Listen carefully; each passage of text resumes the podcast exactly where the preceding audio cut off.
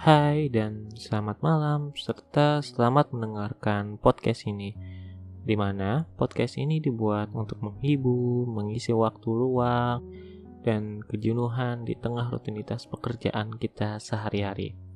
Dan bersama gua Aan di podcast My Lab 96.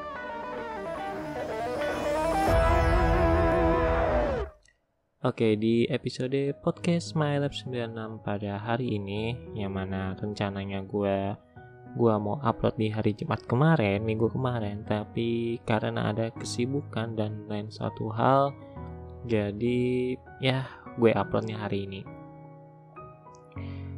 Dan gue ucapkan terlebih dahulu nih sama seperti podcast sebelumnya, selamat menaikkan ibadah puasa ya bagi teman-teman yang melaksanakan ibadah puasa dan selamat berbuka juga kalau teman-teman mendengarkan podcast ini ketika sudah waktu berbuka puasa. Oke, uh, di episode podcast MyLab 96 kali ini ya kita tetap membahas suatu hal-hal yang sedang lagi heboh atau trending yang ada di Twitter. Ya, yang mana Twitter ini adalah ya bisa dibilang salah satu platform di mana kita bisa dengan cepat mendapatkan sebuah informasi, sebuah berita. Cuma terkadang uh, informasinya itu nggak sesuai dengan fakta atau judulnya itu nggak sesuai dengan faktanya. Nah itu nanti adalah gue bahas di pembahasan video kali ini. Ya video pembahasan podcast kali ini. Ya. Dan di yang pertama kali akan kita bahas adalah tentang seorang pria ya inisial AS yang mana dia menjadi korban dari kejahatan begal. Tetapi karena dia melakukan upaya bela diri atau membela dirinya supaya uh, si pelaku begal ini tidak membegal dia atau tidak mengganggu dia pada akhirnya dia malah ditetapkan sebagai tersangka. Well, kita kan membela diri kita ya. Dan orang begal itu kan pasti niatnya tuh nggak baik atau niatnya tuh jahat. Kenapa yang begal ini atau ketika kita membela diri kita terhadap suatu hal yang bisa dikatakan tindakan kriminal malah kita yang mendapatkan hukumannya.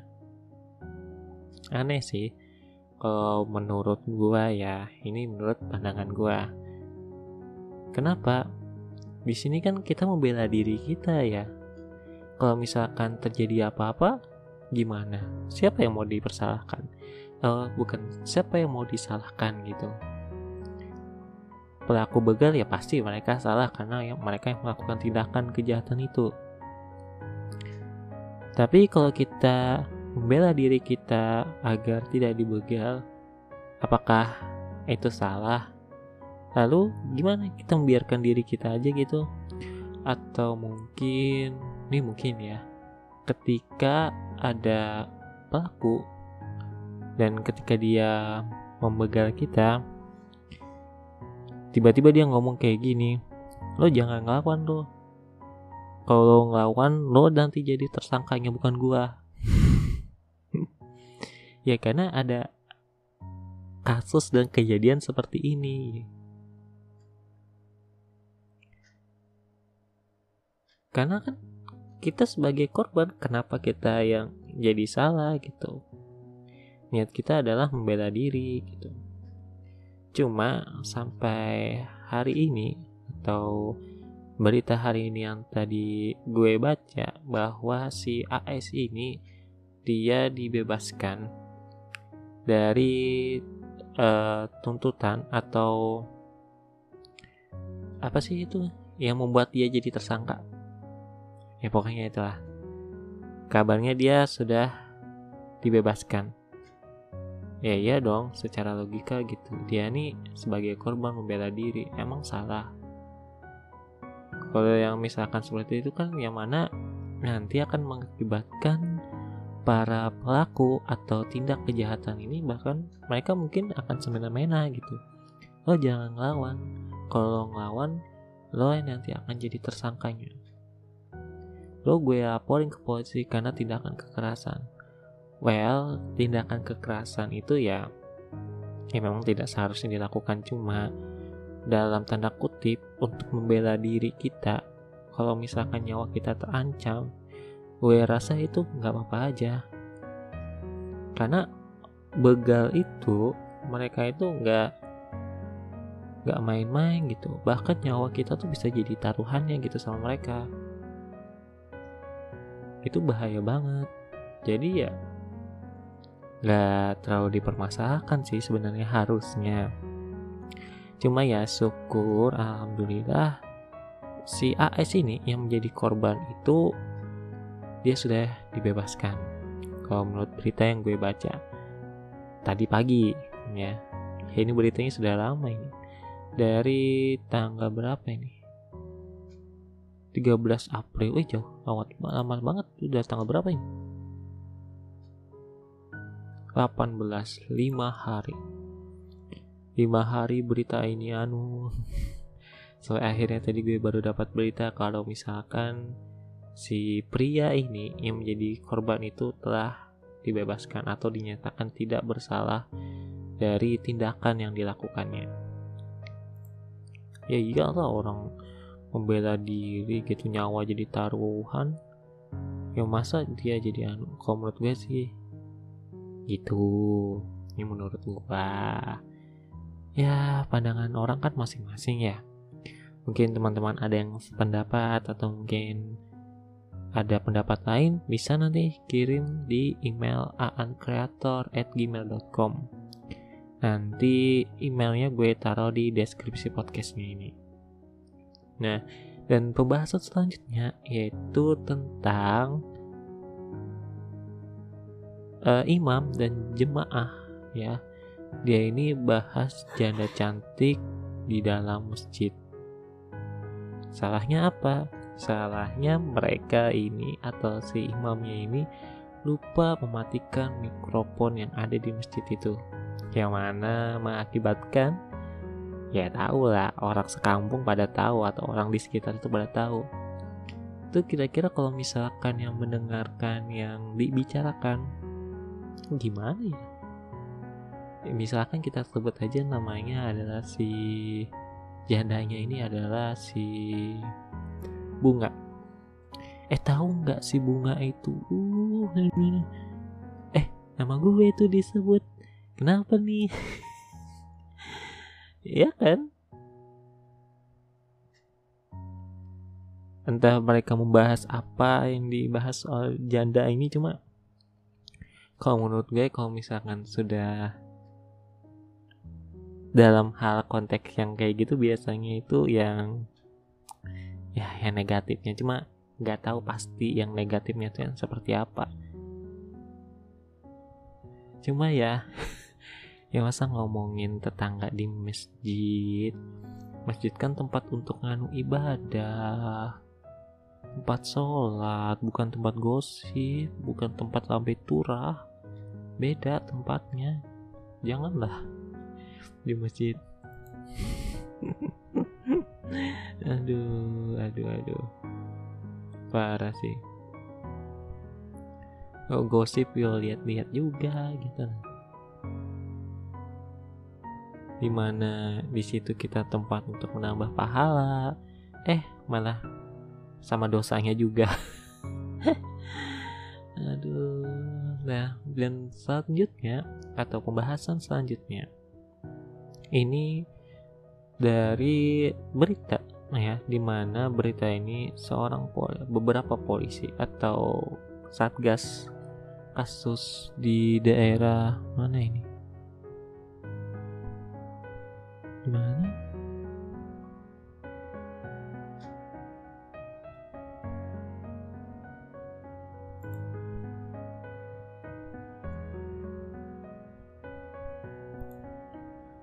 bentar bentar. Gimana nih beritanya?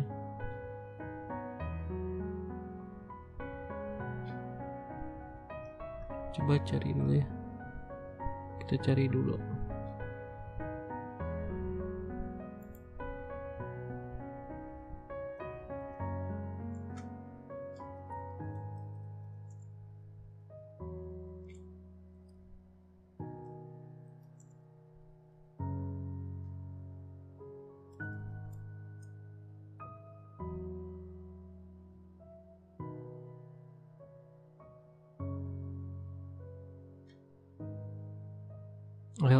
di daerah Bangkalan Jawa Timur. Ya. Mana si beberapa orang ini atau polisi yang notabene melindungi rakyat ya. Eh jangan polisi deh. Oknum ya. Oknum ini yang harusnya melindungi masyarakat. Ya sebenarnya benar aja sih sudah.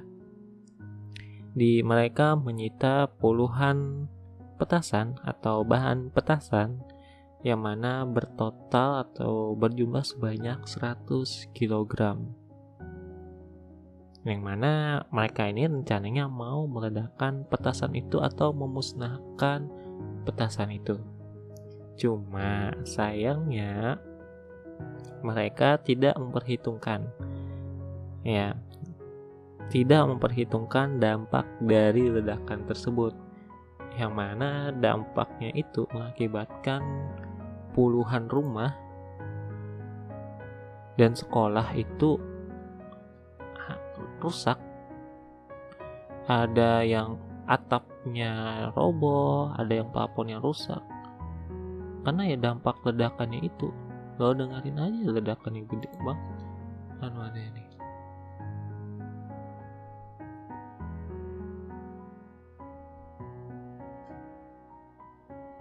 aduh iklan lagi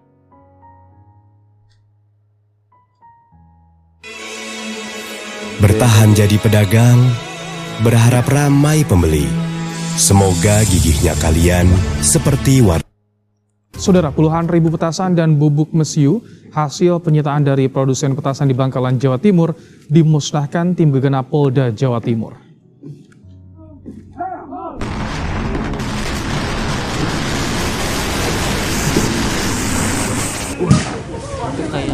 Bom mungkin kayak bom Bali mungkin ya. Soalnya 100 kg cuy bahan petasan. Dimusnahkan diledakkan langsung 100 kg bubuk mesiu dan puluhan ribu petasan ini dimusnahkan tim Gegana dengan cara diledakan di lahan yang kosong jauh dari kenapa diledakkan ya. Kan cukup dihancurkan atau digiling atau gimana gitu nggak perlu harus diledakkan gitu dari permukiman warga agar tidak membahayakan. Saat dimusnahkan, suara ledakan bahkan terdengar hingga radius 3 km. bayangin cuy suara radius 3 km itu betapa nyaringnya petasannya itu aduh nice banget kok ya berpikiran diledakan kan dikubur atau dihancurkan bubuk museumnya atau gimana gitu nggak perlu diledakan. Bisa. Ya ini opini gua ya. Ya kalau misalkan kalian sependapat atau setuju ya silahkan. Kalaupun tidak ya silahkan juga nggak apa-apa gitu. Nggak ada yang larang. Karena balik lagi gitu. Ini adalah opini gua gitu.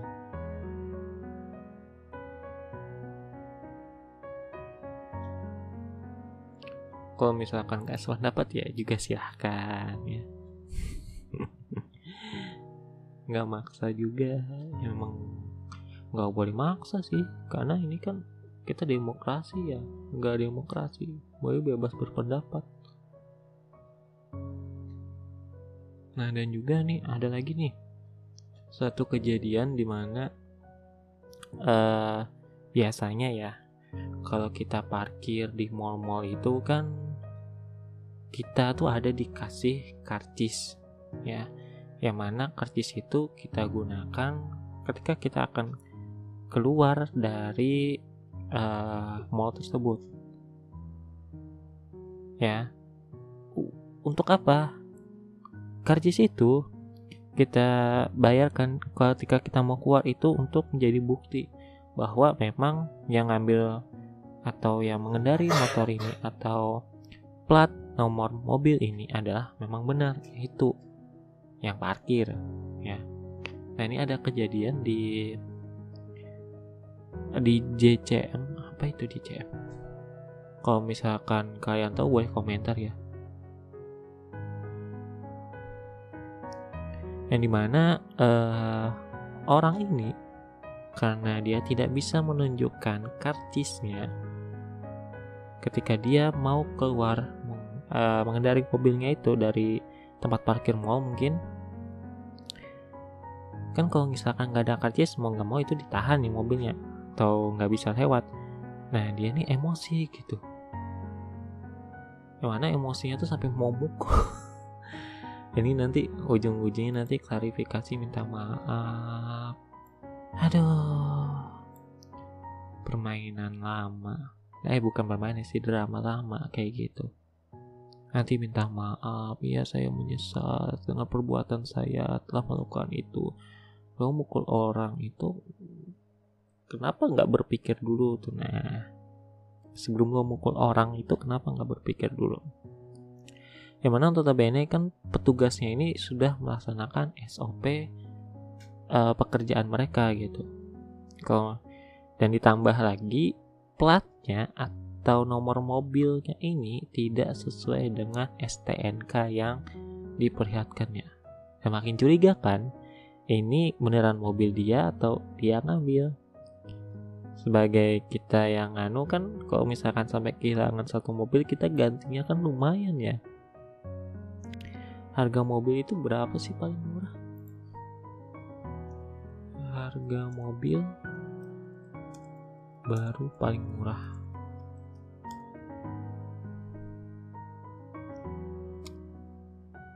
Seratus juta enam ratus lima puluh ribu. Eh? Iya 100 juta 650 ribu. Dan itu adalah merek mobil Daihatsu Alia itu yang paling murah. Dan mobilnya ini kok nggak salah merek, apa ya? Toyota sejenis Fortuner gitu itu 200 500 adalah dapat satu mobil tuh.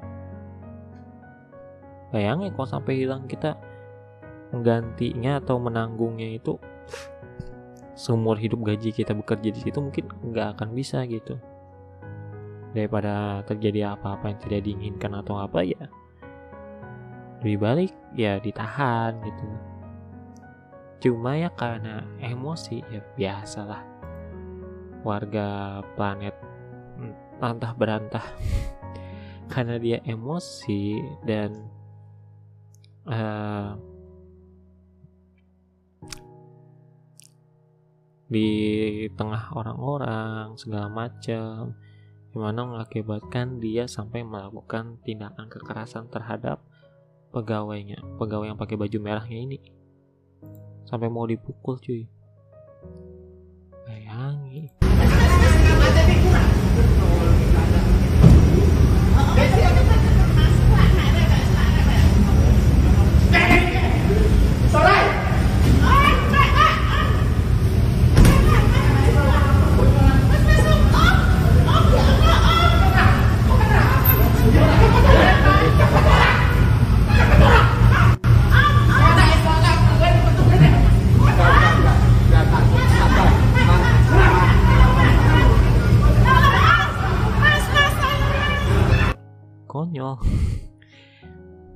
dia maksa buka tapi dia nggak bisa menunjukkan buktinya itu. Ini aja nggak lama nanti tunggu aja tanggal mainnya nanti. Ada nanti muncul video klarifikasi. Minta maaf. Saya sebenarnya waktu itu tuh hilaf. Nggak mau sebenarnya saya hilap saya itu. Ya seperti kata gue drama lama. Oke dan lanjut lagi ke pembahasan selanjutnya. Ya sudah selesai ya tadi pembahasannya. Pembahasan selanjutnya adalah di mana di sini ya dikatakan di beritanya ini. Dituliskan dalam beritanya ini judulnya adalah anak digorok gak ditusuk karena bangunin ibunya sahur. Ya memang pada saat itu ya anaknya ini memang mengalami luka sayatan di bagian leher. Cuma yang jadi permasalahan yang di mana tadi gue ngomong di awal tadi itu bukan karena bangunin ibunya sahur.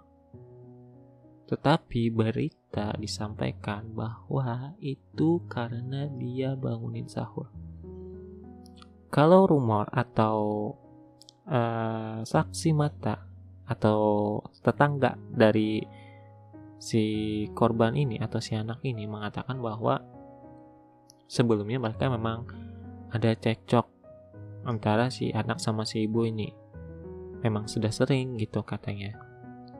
Dan yang jadi permasalahan adalah mungkin ya, mungkin karena memang sudah emosi banget.